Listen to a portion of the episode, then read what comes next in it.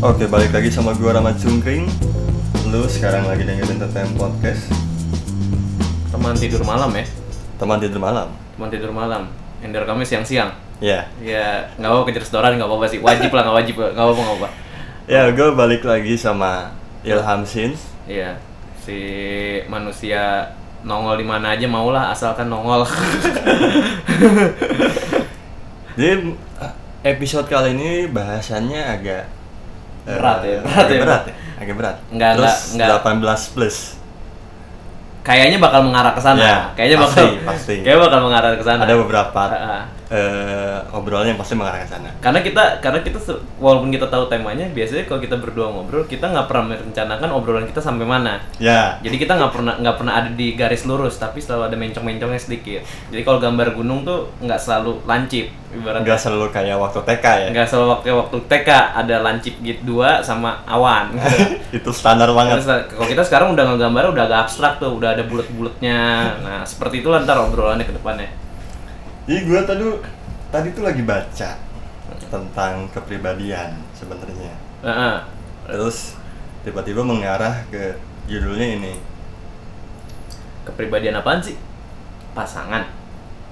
Tentang kepribadian secara Oh. general. Oh secara general. Secara general. Kepribadian secara general. Anjir. Itu tuh ngomongin ini maksudnya sifat gitu. Sifat, karakter. Oh. Gue lagi baca-baca gitu. Karena gue kan mau baca lu ya gitu doang ya gue Karena gue eh, next episode mungkin akan ngebahas tentang lu pernah denger kayak melankolis, iya iya korelis. Gue akan akan ngebahas itu. Jadi Hmm. gue butuh wawasan yang lebih. lebih Gue iya. tahu sih gambaran besarnya. Heeh. Cuman kalau misalnya mau ngebahas detail harus lebih banyak lagi. tagnya sendiri apa sama gue Lihat ntar. Bentar ya Lihat ntar. gue kan orangnya emang gitu sih emang datang pas lagi dibutuhin aja ya nggak apa-apa lah gue siap nge-backing lo semua. Mungkin kalau misalnya ada yang denger mau butuh gue juga nggak apa-apa kontak-kontak aja emang manusia gampangan. Ya gini, judulnya sebelum ini sebenarnya judulnya sebelum nikah bahas tujuh hal ini dengan pasangan. Cuman gue akan membahas itu nggak ada korelasinya kepribadian sebenarnya? Iya makanya gue juga bingung. kok tiba-tiba nyambungnya ke sono dah? Nah nggak tahu, nggak Tapi- gue ngeklik apa aja. tapi tapi sebelum nikah bahas tujuh hal ini dengan pasangan menarik sih menarik menarik soalnya emang banyak yang harus dibahas sebelum nikah sebenarnya nggak cuma tujuh hal sih cuman boleh lah kita bahas Cuman hari kita, ini eh, Kita- perluas, iya. jangan nikah. Jadi dalam berhubungan. dalam berhubungan Kalau nikah kan kayaknya terlalu jauh. selain itu juga karena gue belum ada belum ada Kepikiran nikah. nik kepikiran nikah dekat-dekat ini jadi kayak mungkin nih kalau misalnya ngomongin nikah doang ya itu bakal jadi obrolan ramah seorang aja yang bakal gue tanya-tanyain doang. Makanya kalau ke hubungan nah gue in di sini. Nah di situlah gue dibutuhin. Ya yang pertama di sini tentang komitmen dan tujuannya. itu nomor satu. Tadi kan bahas tujuh hal dengan pasangan. Pasangan ini berhubungan ya maksudnya Ya. tidak sebelum nikah tidak ni, Ya, pasangan secara nikah. general. Secara general ya bahas komitmen dan tujuan pernikahan mungkin komitmen dan tujuan hubungan juga kali ya Iya, iyalah. Pasti dong. karena kalau dibahas nikah aja ya gue nggak tahu gitu kan gue belum kepikiran tujuan nikah gue nanti kalau komitmennya gue belum kepikiran tapi tujuannya gue kepikiran tujuan gue nikah ya selain anak-anak ya ya itu kita nggak munafik ya, itu nggak munafik lu laki karena mau- manusiawi. dan nafsu itu emang nggak bisa ditahan Ya, betul harfiah. harafiah itu banget tapi tujuan pernikahan gue ya selain itu sebenarnya gini sih mencari temen ngobrol sampai tua nanti sih itu udah tujuan gue jadi tujuan gue berhubungan sampai ke nik ya, sampai nikah itu justru gue mencari temen ngobrol yang sepadan sama gue bisa nge-cater gue bisa ngangkat gue sampai gue tua nanti mungkin gitu loh jadi gue tujuan gue berhubungan hampir sama sih sama tujuan gue nanti mau nikah tuh kayak apa Ya se- secara awal sih pasti, pasti bakal ke sana kan ya pasti rata-rata orang ya sama lah.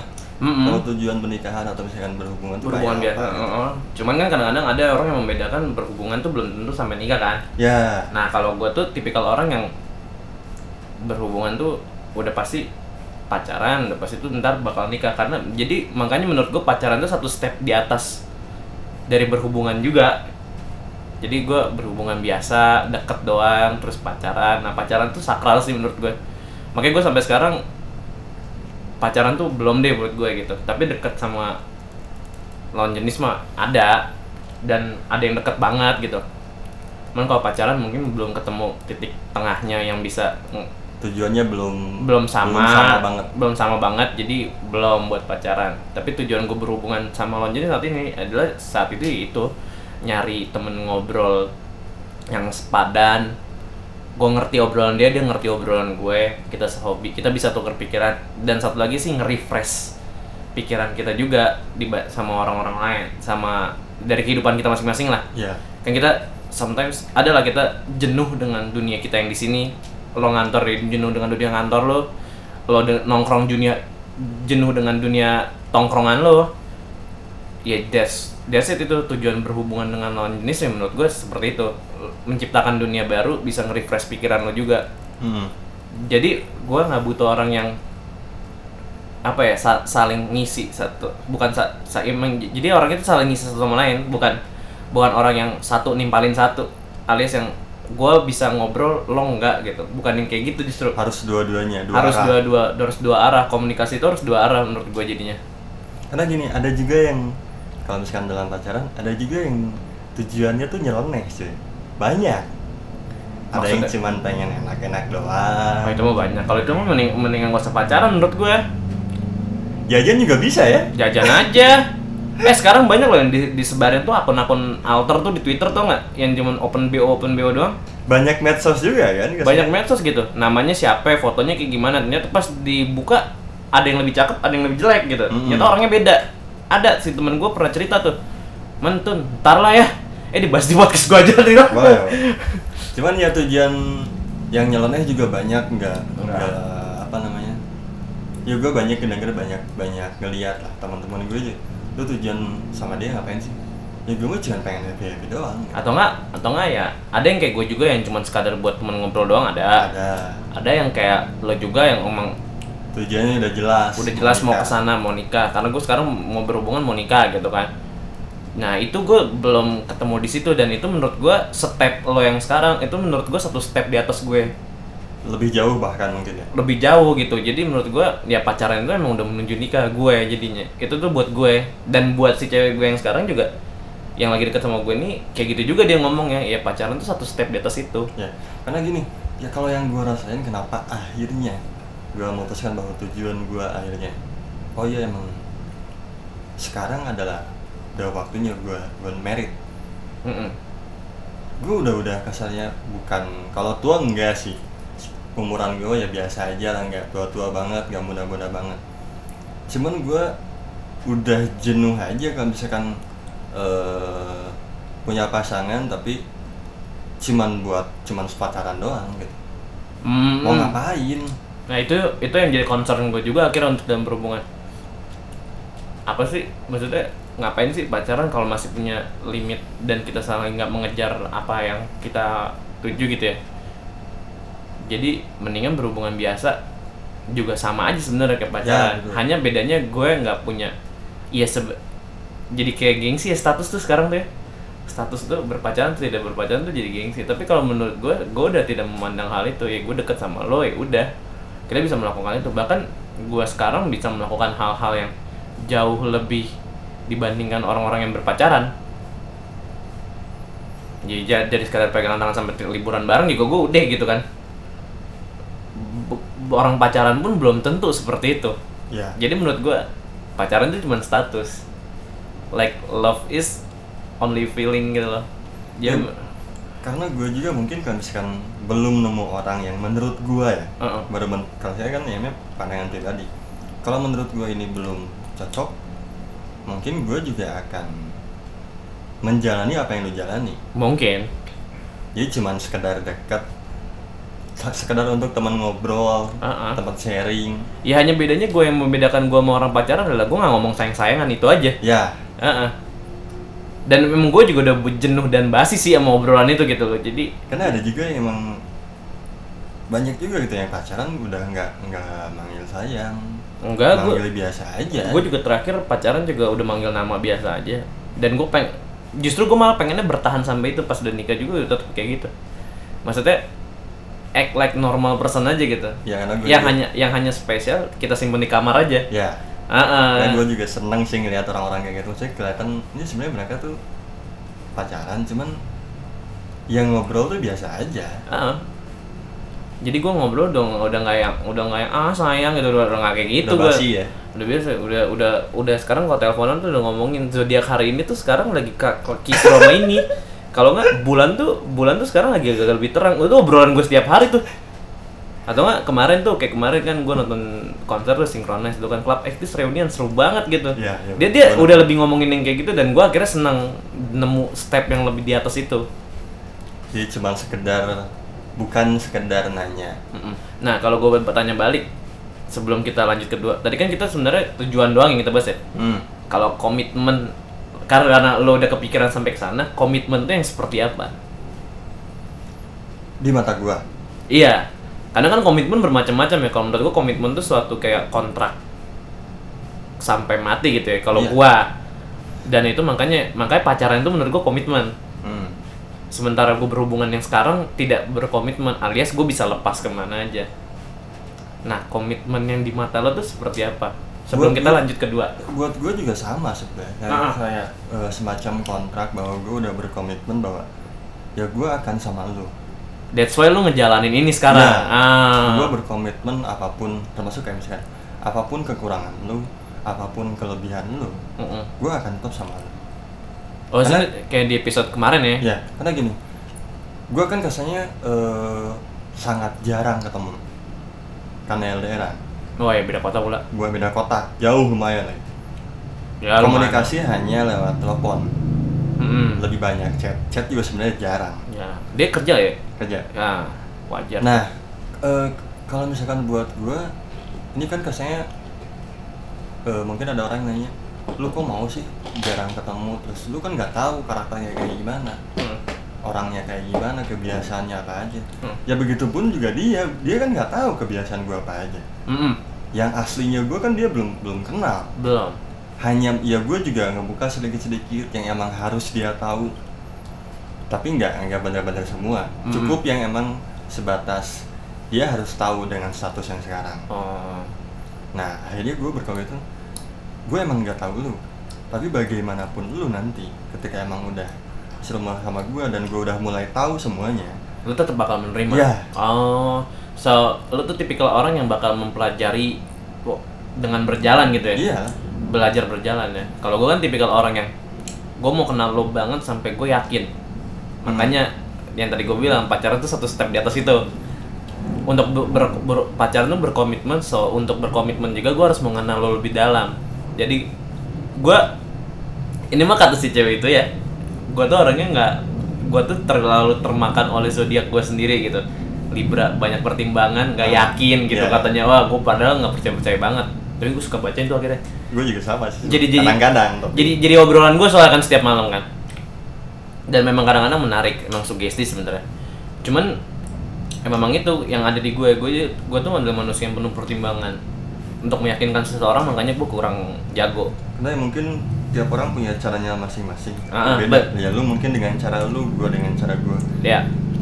Gue mah orang yang saya sambil berjalan. Ah, Tapi ada beberapa hal yang emang gue harus harus yakin salah satu. Sehingga gue yakin bahwa oke gue mau sama orang ini.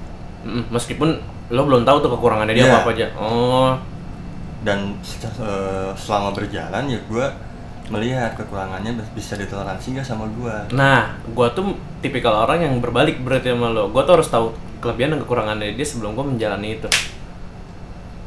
Kalau buat kalau buat gue kelamaan sih. Kalau buat gue ya. Ya mungkin mungkin kan karena nah ini balik lagi ya.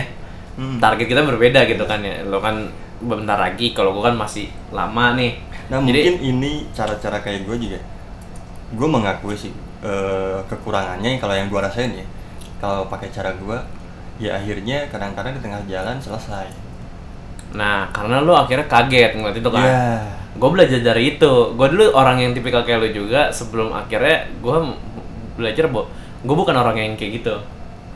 Gue ternyata harus diyakinin dari awal sehingga gue bisa menjalani itu. Jadi makanya menurut gue mendingan deket-deket aja. Lo cabut gue tahu.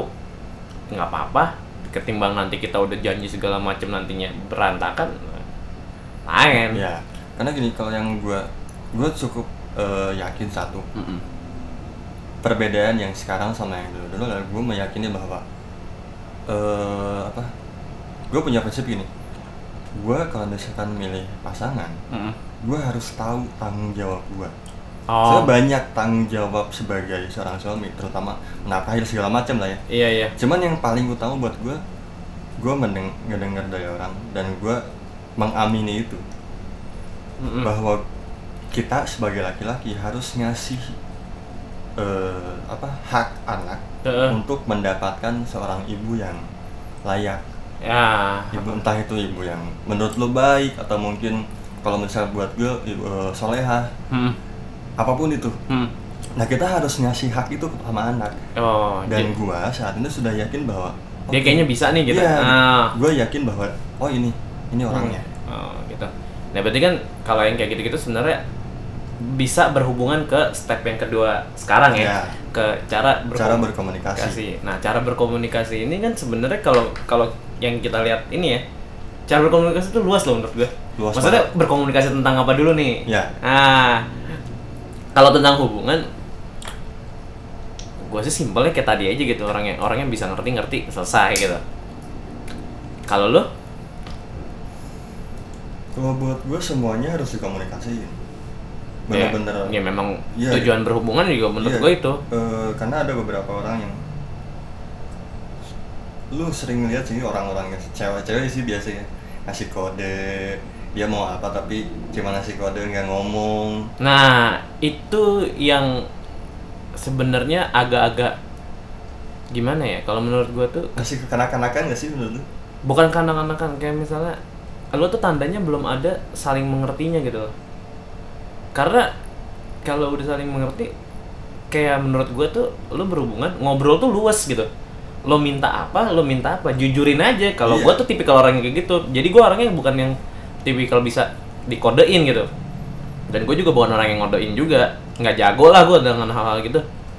Lo minta apa, ya pasti bakal gue iyain apa gue enggakin gitu antara dua pilihan itu dan dengan cara yang seperti itu bukan tipikal yang dia ngodein gitu misalnya dia mau jalan-jalan gitu kayaknya enak nih terus berlibur cuman cuman ngebaca-baca doang kodenya iya apa eh, gitu. eh, terus kayak gue tuh gue lo kalau misalnya mau biasanya cuma langsung gue timpalin doang lo kalau misalnya mau ini bilang. Iya. Gue bukan orang yang tipikal lo bisa eh, goda-godain gitu loh. Karena menurut gue eh buat gue komunikasi banyak sih luas banget. Kayak- banget. Kayak gue juga cara berkomunikasi apa yang biasa gue lakuin kesenangan gue gue harus mengkomunikasikan itu Mm-mm. termasuk dunianya dia juga Iya. dia mengkomunikasikan itu ke gue akhirnya biar gue juga eh, saling ngerti Mm-mm. oh dia tuh eh, dengan melihat kesibukan dia kebiasaan oh dia tuh orangnya kayak gini Mm-mm. oh dia tuh nggak suka diperlakukan seperti ini That's it. itu itu yang paling paling penting buat gue Mm-mm. nah ini ada satu pertanyaan yang eh ini menarik kalau buat gue apa? Menurut lo ini 18 plus ya? 21 plus bahkan. Oh, udah mulai-mulai ke sana Ya, nih kita. dua- 21 plus bahkan. Setelah mau Mau- 20 menit Hmm. akhirnya ke sana juga. Cara juga. Gini menurut lu penting gak sih meng- ini kalau misalnya udah yang menikah ya, penting gak sih mengkomunikasikan fantasi seks? Gue? Ya. Gue udah ngobrolin ini justru sebelum nikah harus bahkan ya? Bahkan harus kalau menurut gue. Karena kemarin aja pas liburan bareng tuh sempet kan karena mungkin si cewek yang Sempet ngelakuin? bukan, Oh, bukan. bukan. dia justru anti makanya pisah kamar tuh kita. Bisa hotel bahkan bisa hotel gitu agak-agak seberangan agak ke sono dikit gitu hotelnya. Hostel sih kan. Cuma kalau dia hotel beneran karena di seminar kan. Nah si cewek yang gue deketin kan kebetulan dokter ya. Dan dia udah bilang sama gue gitu jadi kalau jadi tuh ada kasus memang banyak banget kasus yang kalau di dunia kedokteran tuh yang paling capek sebenarnya emang salah satunya adalah satu tuh dokter kehamilan satu lagi tuh dokter seks solok Seksual itu jarang banget dan dokter yang mengurusi hal-hal kayak gitu tuh suka kurang berani itu karena di Indonesia kan tabu ya buat ngomongin itu. ya Itu yang akhirnya membuat juga sampai jenjang ke rumah tangga nih yang which is internal banget. Itu juga jadi jarang dikomunikasikan karena tabunya itu. Jadi menurut setelah ka- ngomongin fantasi seks itu bisa berjalan kalau edukasi juga jalan. ya betul. Nah, tapi kalau ada yang mau bahkan sebelum menikah, gua, gua rasa wajib. Karena lu nggak bakal ngobrolin nafsu lu ke orang lain. Iya seenggaknya pasangan lu tahu lah ya. Betul. Seenggaknya tuh diobrolin. Jadi tuh gua kalau menurut gue gue tuh juga agak-agak suka sih ya baca-baca seperti itu ya. Karena menjadi men- karena yang kayak gini-gini kan gue nggak diajarin. Ya akhirnya mencari tahu sendiri. Mencari tahu sendiri. Dan gue termasuk orang yang mencari tahu nggak langsung dari sana tapi gue berusaha mempelajari dulu dasarnya seperti apa. Jadi kalau misalnya ibarat nonton bokep tuh nggak mungkin langsung yang gerakan itunya. Enggak lu harus foreplaynya dulu Ya, apa-apanya ya. dulu. Nah itu tuh harus dipelajarin. Jadi diobrol berkomunikasi soal itu tuh sangat fat- fatal ya kalau nggak diobrolin tuh karena bisa gini bisa lu nggak punya keturunan gara-gara hal-hal kayak gitu doang ya karena gini ini bener kejadian minggu lalu ke gua Oh ini Temen cerita gua- pribadi nih, iya. cerita pribadi nih. ini temen gua cerita dia udah nikah temen cewek Cewek. cewek jadi tiba-tiba malam-malam dia nelfon ke gua gua Hmm. pikir ada apaan Iya. tiba-tiba dia cerita eh, masalah sama pasangannya sama suaminya Mm. yang emang pasangannya juga teman gua juga Iya. Terus dia cerita awalnya cuma nanya kok dia gini ya? Gini segala macam. Cuman gua hanya mendengarkan gak mau masuk lebih jauh. Mm-mm. karena itu bukan ranah gua. Tiba-tiba dia ngomong Mm-mm. eh, Ngomongan? ngomong kayak gini. Langsung ngomongin arah ke seksi mereka. Kok su- eh, suami gua kayak gini ya? Langsung gua cut. Sorry nih gua cut. Sama gua digituin. Sorry Nah. gua cut kayaknya emang lu nggak harus menceritakan itu ke gua deh itu bukan ranah gua Biasanya lu lanjut obrolan. enggak dong Ini nah ini bahayanya nih kalau misalkan enggak menurut gua kalau misalnya Iya. nggak dikomunikasikan entah itu ceweknya atau cowoknya Hmm. karena cerita ke orang apalagi ke lawan jenis Iya. karena malah pecah akhirnya Iya, karena karena itu eh, gua nggak tahu seberapa besarnya cuman itu adalah salah satu faktor perceraian nah, kemarin tuh yang si cewek ini juga akhirnya ngomong gitu sih. Gua karena di dokter jadi gua agak lebih paham gitu ya soal dia gitu ya. Karena dia bilang gini, ngomongin nafsu ke orang tuh sama aja ngerubah nafsu kita ke orang lain. ya kata dia itu tuh log- logis sih di gua gitu akhirnya masuk tuh obrolan dari gua ketika lo udah ngobrolin itu sama orang lain akhirnya lu malah ber- berpindah ke orang lain dan lu tidak merasakan apa apa lagi karena lu akhirnya lebih nyaman untuk ngobrolin itu sehingga lu bakal berfantasi untuk melakukan itu yang apa yang seperti lu obrolin ke dia. Jadi ketika melakukannya dengan si suaminya nih ya akhirnya jadi tidak melakukan serasa sua- sama suaminya enggak. Dia tetap minta sesuai itu gitu. Sesuai yang lu diobrolin sama lu itu. Akhirnya mintanya ke orang lain. Betul. Dan itulah menurut gue yang mungkin kalau nggak perceraian adalah yang kayak laki yang akhirnya main ke tempat-tempat kayak gitu sekadar mencari itu akhirnya kayak selingkuh lah ya segala macam kayak gitu ya kalau nggak selingkuh main lah ya bayar gitu kan model kayak gitu wajib sih Jadi overall cara berkomunikasi itu tiap orang beda-beda. Terus eh, sangat penting dikomunikasikan. Oh. Apa pun betul termasuk kayak step selanjutnya nih ya kayak prioritas pribadi Nah, iya. Betul, prioritas pribadi itu ya itu yang tadi gue bilang karena mungkin gua sama si cewek ini belum menemukan prioritas pribadi yang match alias kita masih mengejar masing-masing itu dan kita belum bisa mentoleransi itu akhirnya gue tidak memutuskan untuk berhubungan pacaran lebih jauh mungkin lo udah menemukan Ya karena buat gue juga ini eh, sangat penting. Kayak misalkan prioritas itu kan banyak ya, apalagi kalau ngomongin pribadi. Mm-mm. Kayak misalkan gue, gue sekarang lagi, lagi emang dari dulu seneng ngobrol. Hanya sekarang ada media berupa yang sekarang podcast. Mungkin untuk sekarang prioritas gue hanya kerja, terus ngelakuin hobi gue. Dan itu menurut gue eh, dia harus tahu. nah Bahkan eh, sebelum menikah tuh harus tahu betul prioritas masing-masing kayak misalkan dia eh misalkan ya gue ngomongin ya ini gue cerita ya kayak misalkan dia saat ini prioritasnya benar-benar fokus kerja Mm-mm. karena dia di bidan terus dia juga di puskesmas oke itu sama nih agak gas background ya agak background harusnya si cewek lo nih yang lebih ngerti soal-soal ginian ya dia apalagi dia bidan ini melahirkan wah dukun jadi anak sebetulnya dia tahu Betul. Jadi Iya. kalau jadi kayaknya lu nggak bakal agak ada ragu lah ya. nggak kalau misalkan Ah. buat buat gue nggak Ah. nah kayak gitu gitu juga penting prioritas eh, dia sampai misalkan tujuan sebelum menikah tuh apa ada yang pengen Hmm. dicapai dulu Mm-mm. sementara ya gue sangat mengerti itu Hmm. harus wajib Hmm. gitu harus sama-sama tahu prioritas gua apa prioritas dia apa Mm-mm. buat nah yang buat negara juga sama prioritas lu apa prioritas eh, apa pasangan lo apa pasangan lu apa Iya, karena menurut gue ber- berhubungan tuh udah ngobrolin soal itu juga harusnya. Ketika memang tidak bisa di match kan, ya kira lo harus membeli toleransi yang lebih rendah ya, sih apa yang gue jalanin sekarang gitu. Jangan memaksakan berhubungan lebih jauh ketika lo aja belum tahu, lo lo aja tahu kalau itu nggak match gitu. ya nah ini mungkin salah satu menurut gua kalau Bahkan- misalkan lu udah ada iya, terus. celah untuk oh ini yang sebelah sini gua nggak bisa toleransi menurut gua nggak usah dilanjut Iya, karena ya kalau mungkin pokoknya gini ya, apa pun kelebihan dan kekurangan si pasangan lo dan itu sebaliknya juga, kalau memang tidak bisa toleransi jangan dilanjut. Karena ya yang kemarin itu kan menerima apa adanya itu ya seperti itu menurut gua menerima kelebihan dan kekurangan dan pada akhirnya ya itu menjadi satu bentuk satu toleransi yang full yang itu yang harus lo punya. Nah itulah menurut gua prioritas juga kan bisa jadi kelebihan ataupun kekurangan lo bagi lo masing-masing gitu kan. Nah itu yang harus bisa ditoleransi. Sama halnya kayak tadi ngobrolin kita lanjut ke back ke seks tadi mungkin ya. Prioritas seks itu penting banget. penting Penting gitu. Karena gerak apa ya, bukan bukan masalah gerakan ya cuma kayak ngomongin ngomongin lo bakal melakukannya kapan lo bakal bisa diapain aja lo bakal gimana juga itu sangat mau pakai gaya apa aja Ay, sedap. Eh, itu penting banget, penting banget, penting banget diobrolin. Jadi itu salah satu prioritas juga. karena gini gue juga akhir-akhir ini jadinya suka nonton nontonin uh, seksolog Iya. apa yang emang eh, kayak misalkan ya banyak lah ilmu eh, tema-temanya. Gue kayak misalkan ja, eh, kalau misalkan jangan selalu dengan posisi yang sama. Itu juga akan Betul. menimbulkan kejenuhan kebosanan. Jangan jangan juga jangan juga ya emang emang kan di berhubungan tuh memang harus ada warna. Ya. Dan bu- berhubungan seks pun juga seperti bahkan itu. mungkin pakai kostum. Oh, role playing ya.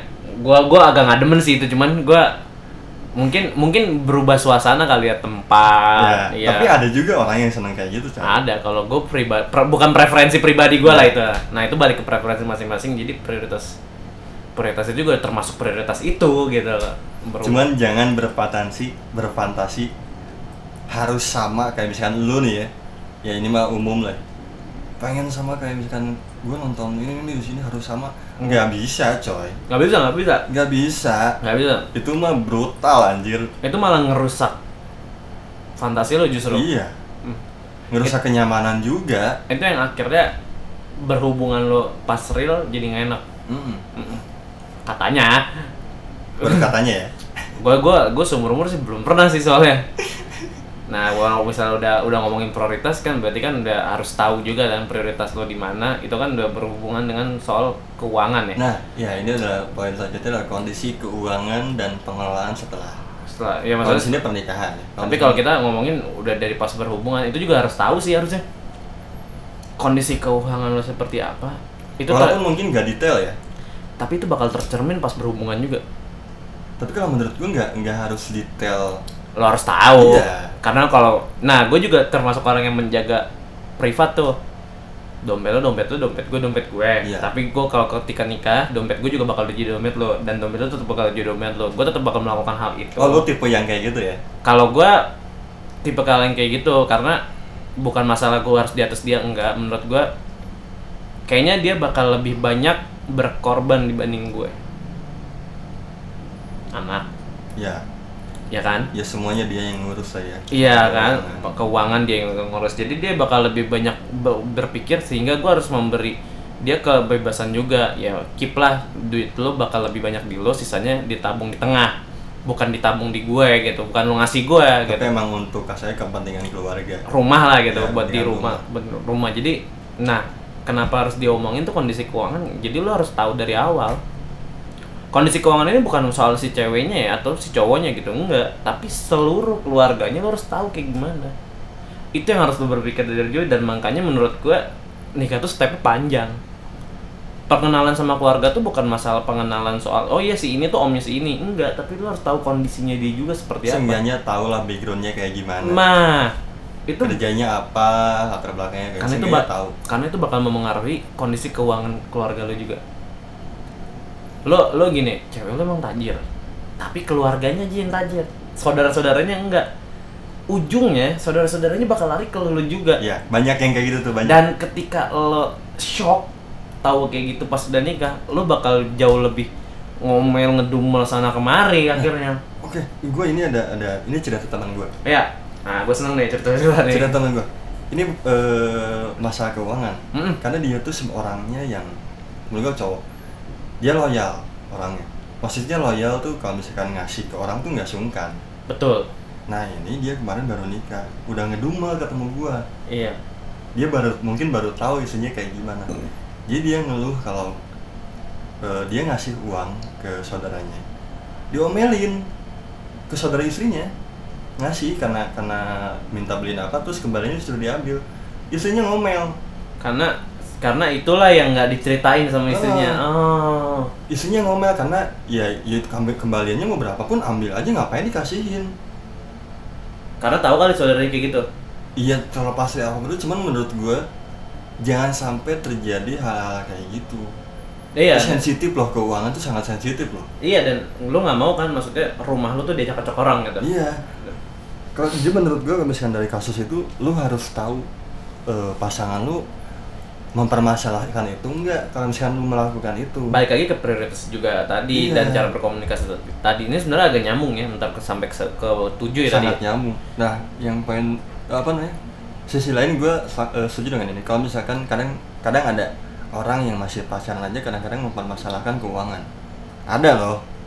Dan gue salah satunya. banget. dan gue salah satunya. Menurut gue ya pacaran gue modal. Ya mungkin eh, saya penting kami misalkan kerja segala macam itu penting sangat penting, Penting, mendukung pasangan tuh buat eh, kerja keras segala penting. Cuman kalau misalkan sampai mempermasalahkan sedetail itu menurut gue itu belum ranahnya lu. Dan, dan menurut gue ini akan bahaya kalau misalkan masih pacaran aja sudah dipermasalahkan.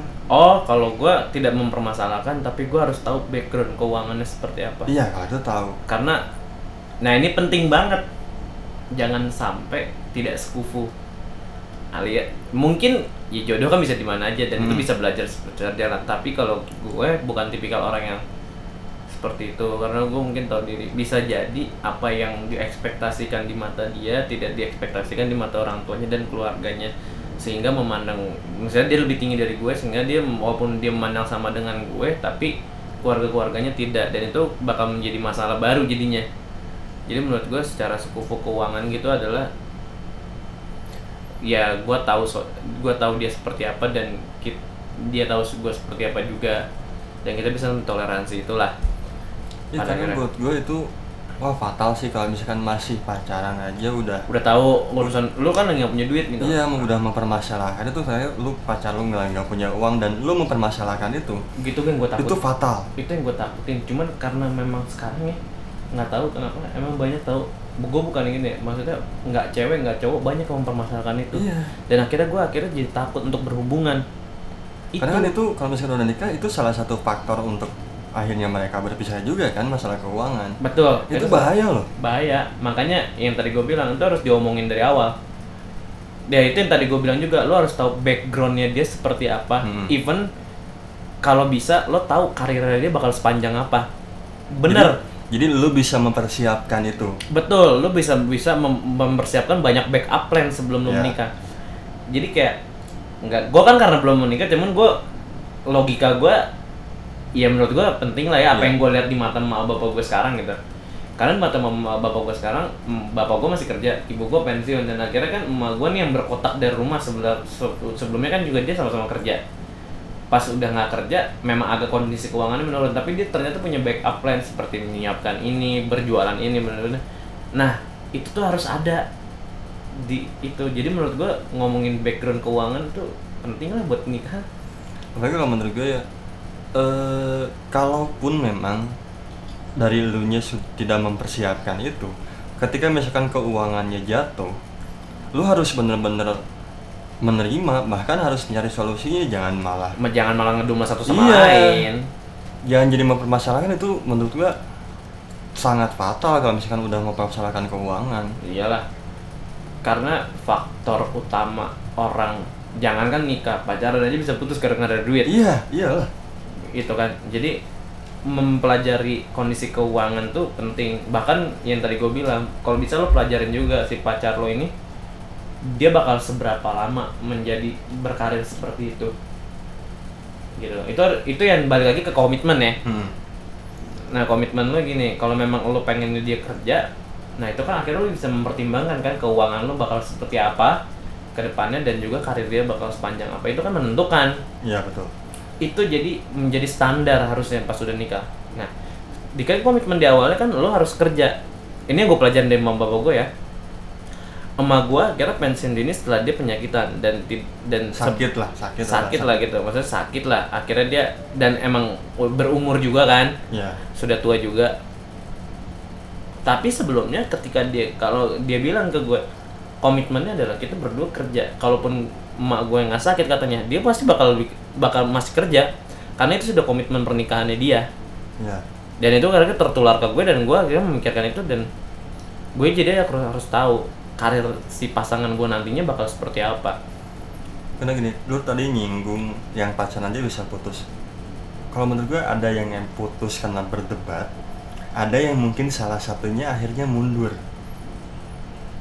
Kan Gua- putus kalau misalkan emang berdebat akhirnya. Tapi gue banyak yang mundur kalau gue. Ya. Guanya.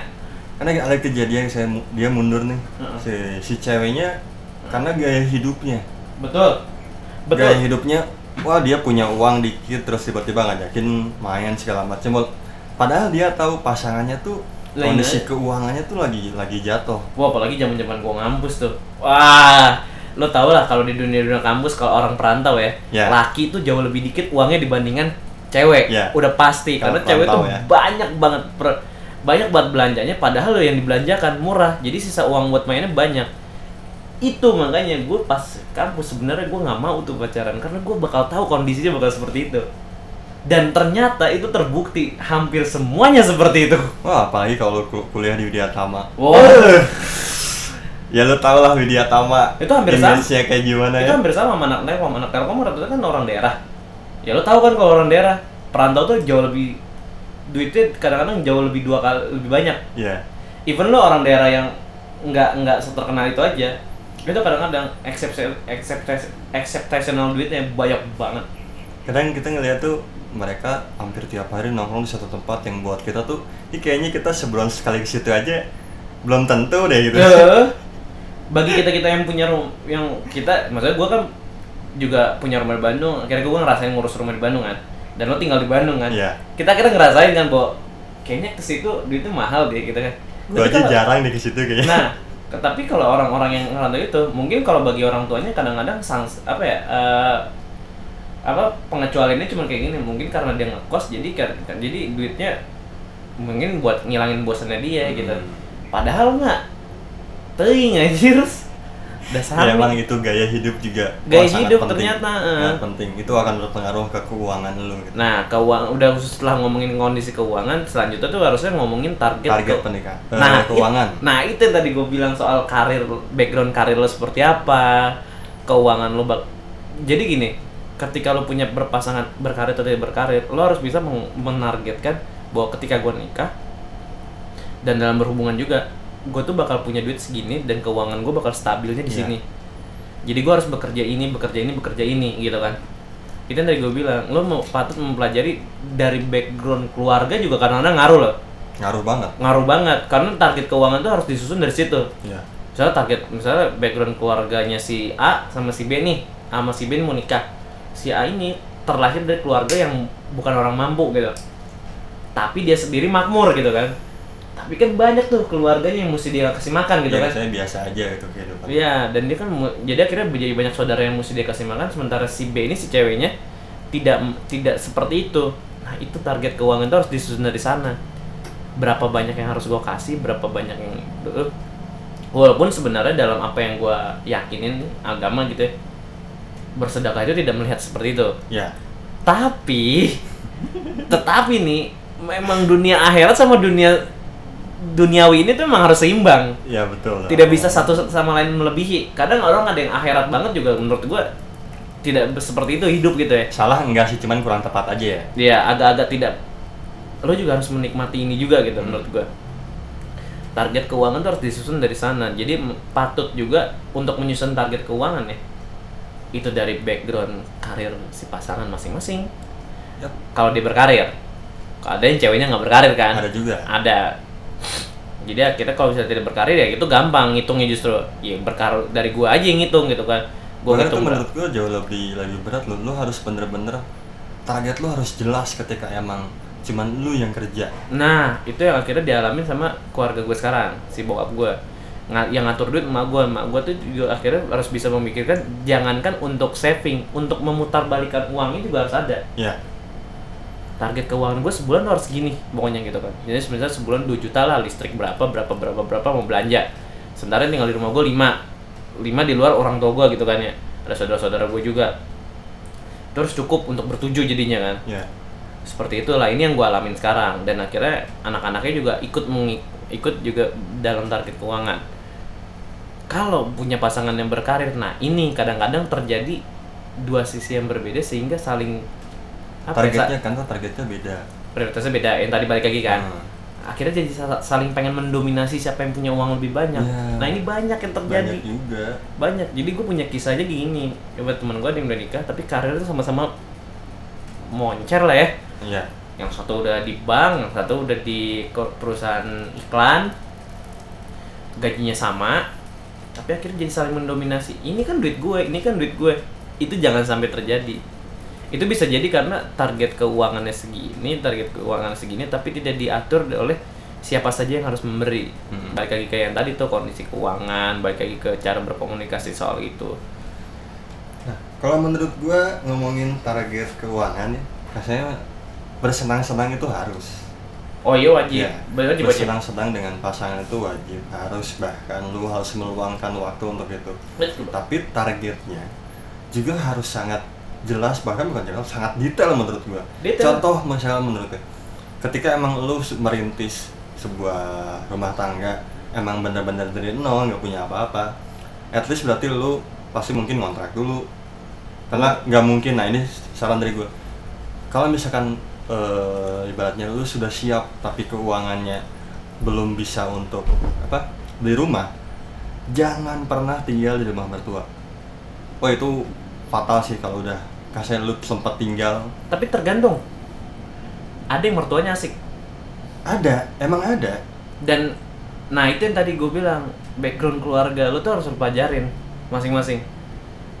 Jadi kalau gue bukan men- jadi gue gini lah, the prinsip gue untuk berhubungan tuh bukan untuk mencari dianya asik apa enggak juga, tapi lebih dari itu. hmm. Satu tuh ya yang tadi mertua gue asik apa kagak nanti ke depan. Lo nggak mau kan cuman pas udah nikah, iya nih gue nikahin anaknya, gue ngobrol sama anaknya, tapi gue mau orang tuanya diem dieman doang. Nggak bakal mau gue kayak gitu. iyalah harus ada komunikasi juga sama mereka Nah, gue juga bilang di yang episode kemarin juga seperti itu kan.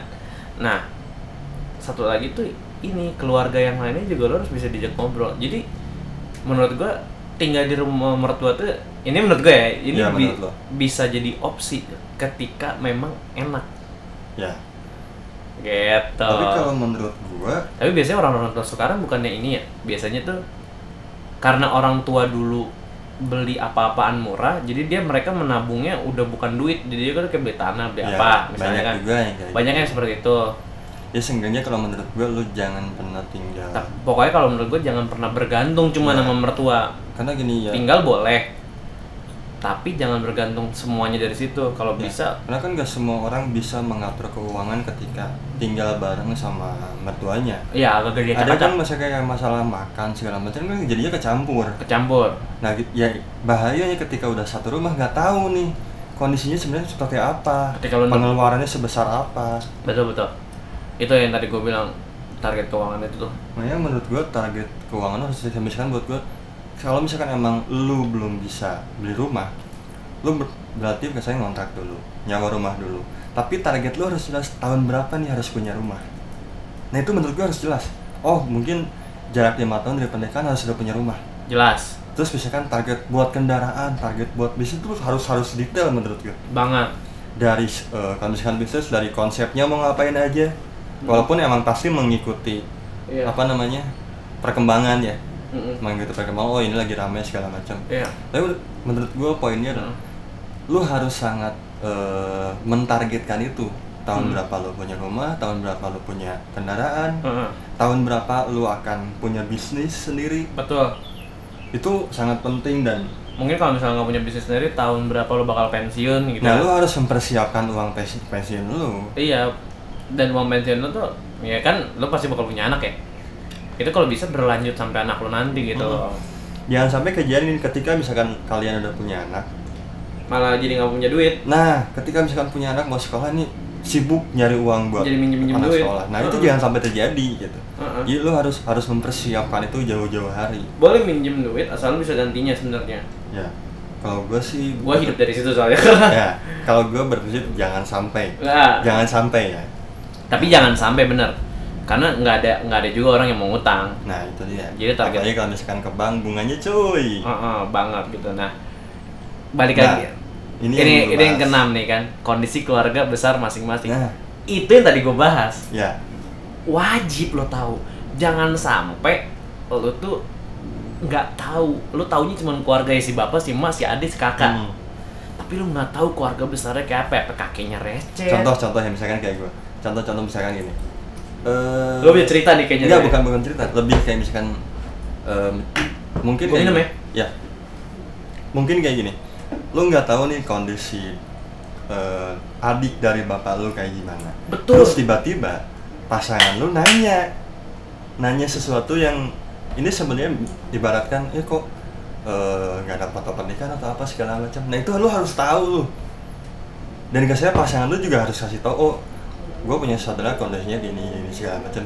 Jadi pas mereka ketemu jangan sampai ada pertanyaan-pertanyaan yang sampai menyinggung. Betul.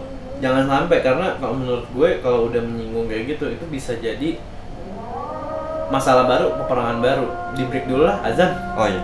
Ini ada ada sedikit eh, ini ya komersial break dulu adan dulu. Yoi. Jadi gue agak pause dulu ntar gue lanjut lagi. Yuk. lanjut lagi ya? Lanjut lagi ya. Jadi tadi kita bahas sampai kondisi keluarga kondisi keluarga. Pokoknya pada intinya kondisi keluarga itu wajib diomongin jangan sampai lu tahu kalau dia ternyata masih saudaraan apa apa ya meskipun kadang-kadang ada yang masih dibolehin ya. Ya.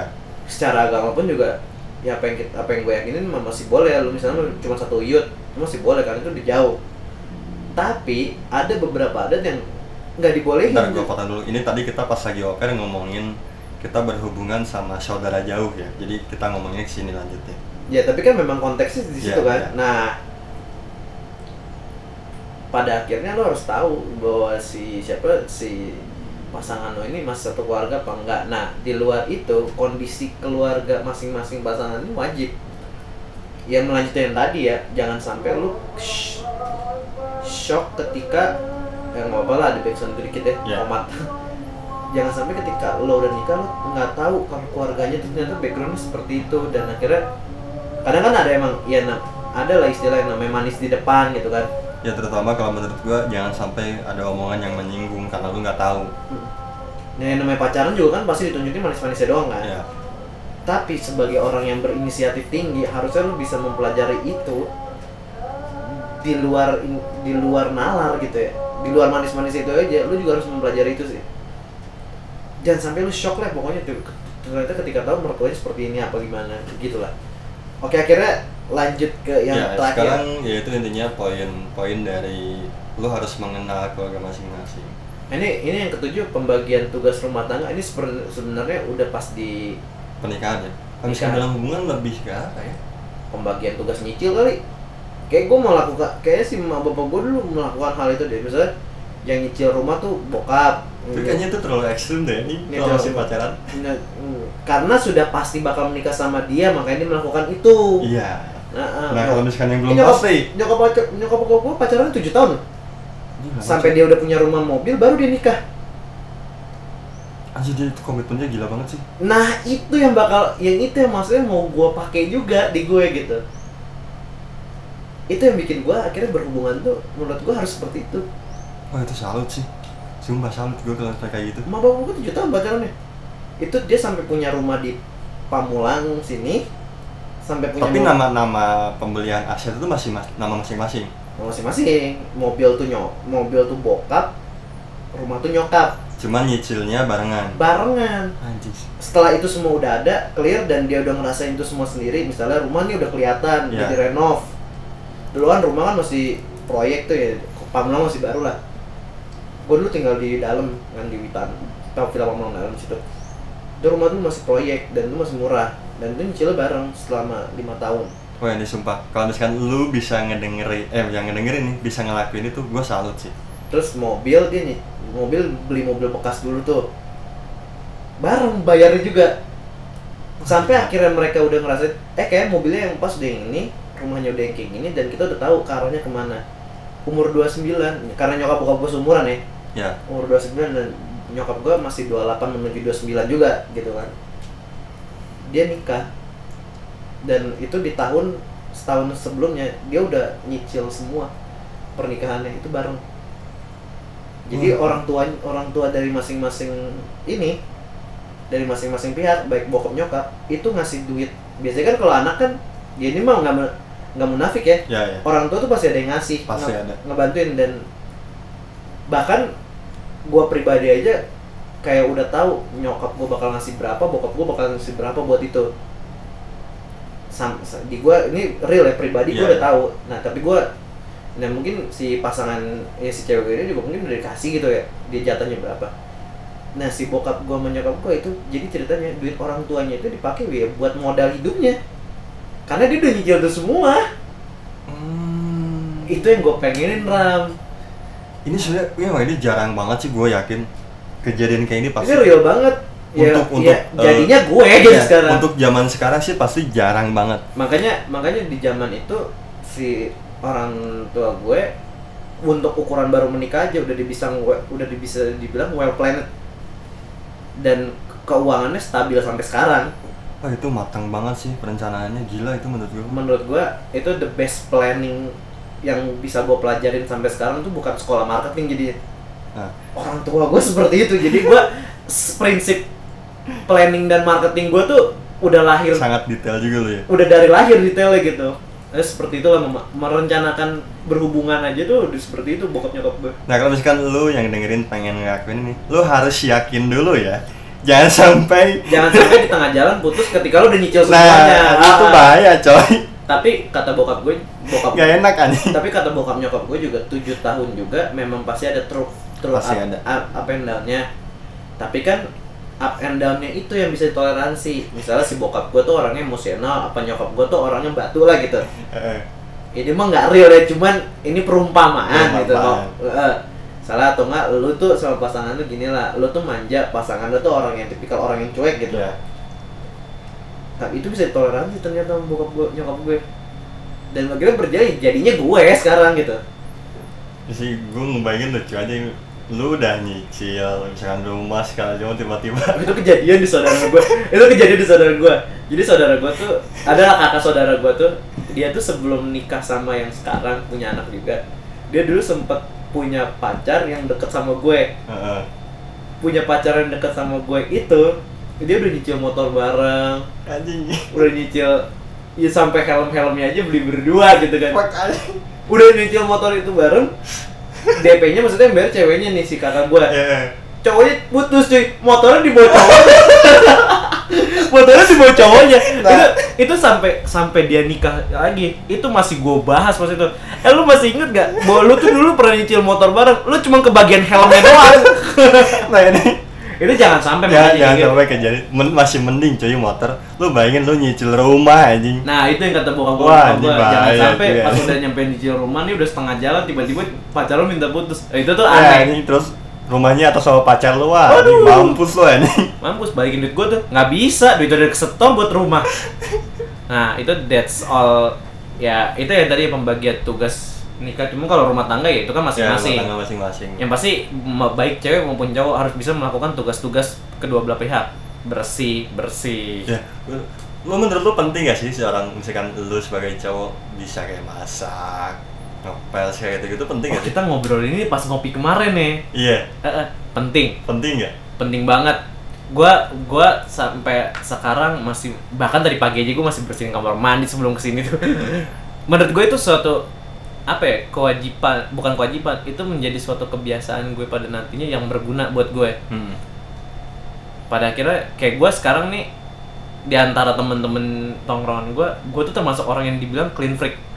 Cewek banget dah lu. Maksudnya nggak nggak bisa ngeliat kotor gitu ya karena gue membersihkan itu setiap hari gitu loh. Jadi lu sangat gak bisa ngelihatnya kotor. iya maksudnya kalau kalau ya maksudnya udah udah tipikal tempat yang apa ya kalau udah udah yang nggak rapih banget gitu loh. Tahu kan Lu lu? gatel aja pengen ngeberesin ya. pengen pengen ngerapihin gitu. Heeh. dan itu tuh menjadi modal buat gue nantinya sih. Dan akhirnya gue bisa menakar itu dari ke- kelihatan dari ceweknya itu berlaku seperti apa. Itu kelihatan di gue bahwa dia tuh orangnya tidak tidak bersih bahwa dia orangnya malas apa gimana. Itu gue tahu Karena menurut gue penting minimal kalau misalnya masak, lu bisa masak nasi deh. Itu paling minimal. oh gue nggak masak nasi tapi gue bisa masak lauk karena gue masak nasi selalu gagal Oh ya, seenggaknya menurut gue minimal lu masak bisa lah masak. Masak lah gitu pokoknya gitu jangan cuma ya kalau indomie indomie doang mah Ya elah masa nggak bisa anjing. masa nggak bisa gitu kan jangan sampai ada kejadian nyata temen gue itu sampai sekarang megang kompor aja belum pernah Sama sekali. bukan ya dia masak air aja gagal ya Anjing gagal gimana itu? Teuing anjing. Emang karena di rumahnya biasa dilayanin jadi dia kayak megang kompornya nggak berani. Nggak ngerti gue megangnya kayak gimana gitu. Aja gue sampai sekarang aja ngangkatin nggak nggak dia sampai sekarang aja itu ngang, ngangkat galon aja. Masangnya aja. Itu kadang-kadang kasar banget gitu. Jadinya kayak Lumer ke mana-mana akhirnya. Eh, eh. ada triknya cuy. Gue bilang angkat galon gitu kan. Ini terjadi pas gue di Bandung sih banyak ternyata yang seperti itu Ya pokoknya menurut gue penting. Kenapa dari gue ngomong masak? Ya minimal masak lah. Kalau menurut gue masak nasi minimal lu harus harus bisa.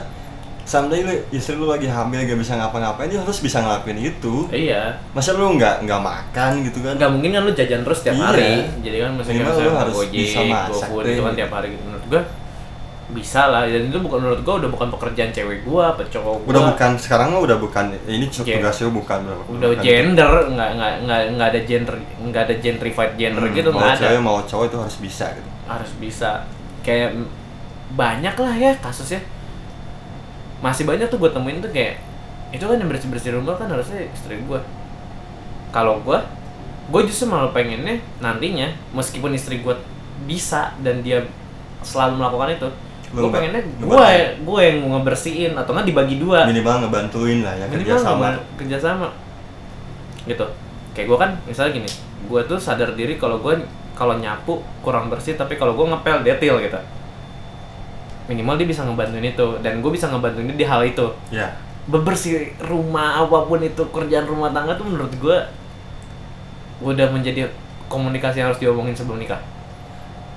Lo harus tahu bahwa cewek lo tipikalnya kayak gimana lo harus tahu Oh tuh itu wajib tahu sih. wajib.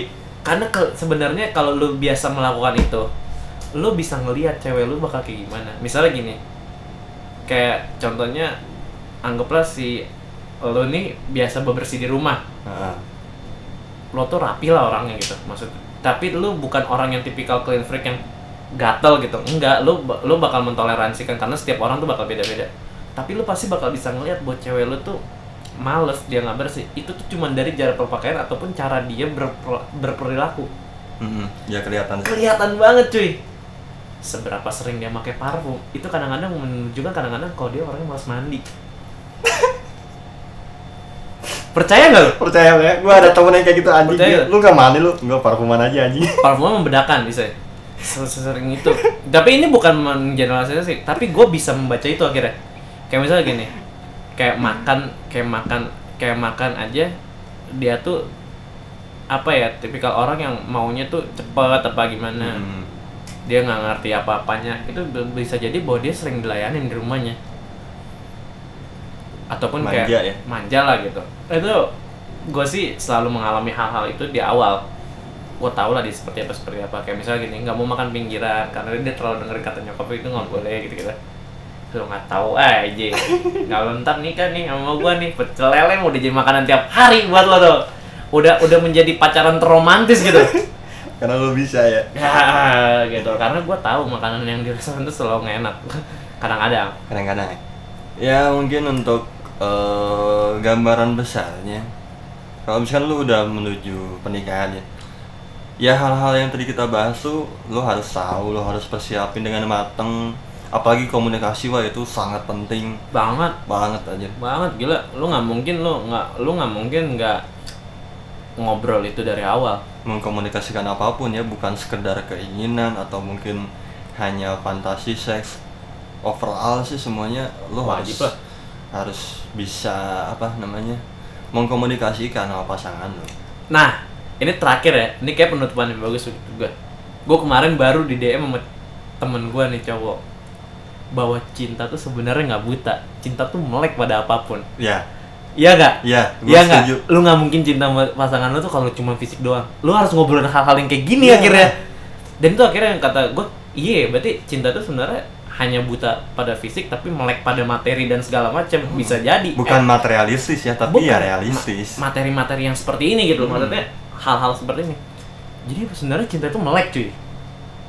Harusnya harusnya melek cinta itu buta. Biasa biasanya nggak selamanya buta. Pacaran aja butuh duit. Pada akhirnya ya lo akan melek-melek juga. Melek juga. Jadi cinta itu buta tuh nggak ada menurut gue melek cinta tuh.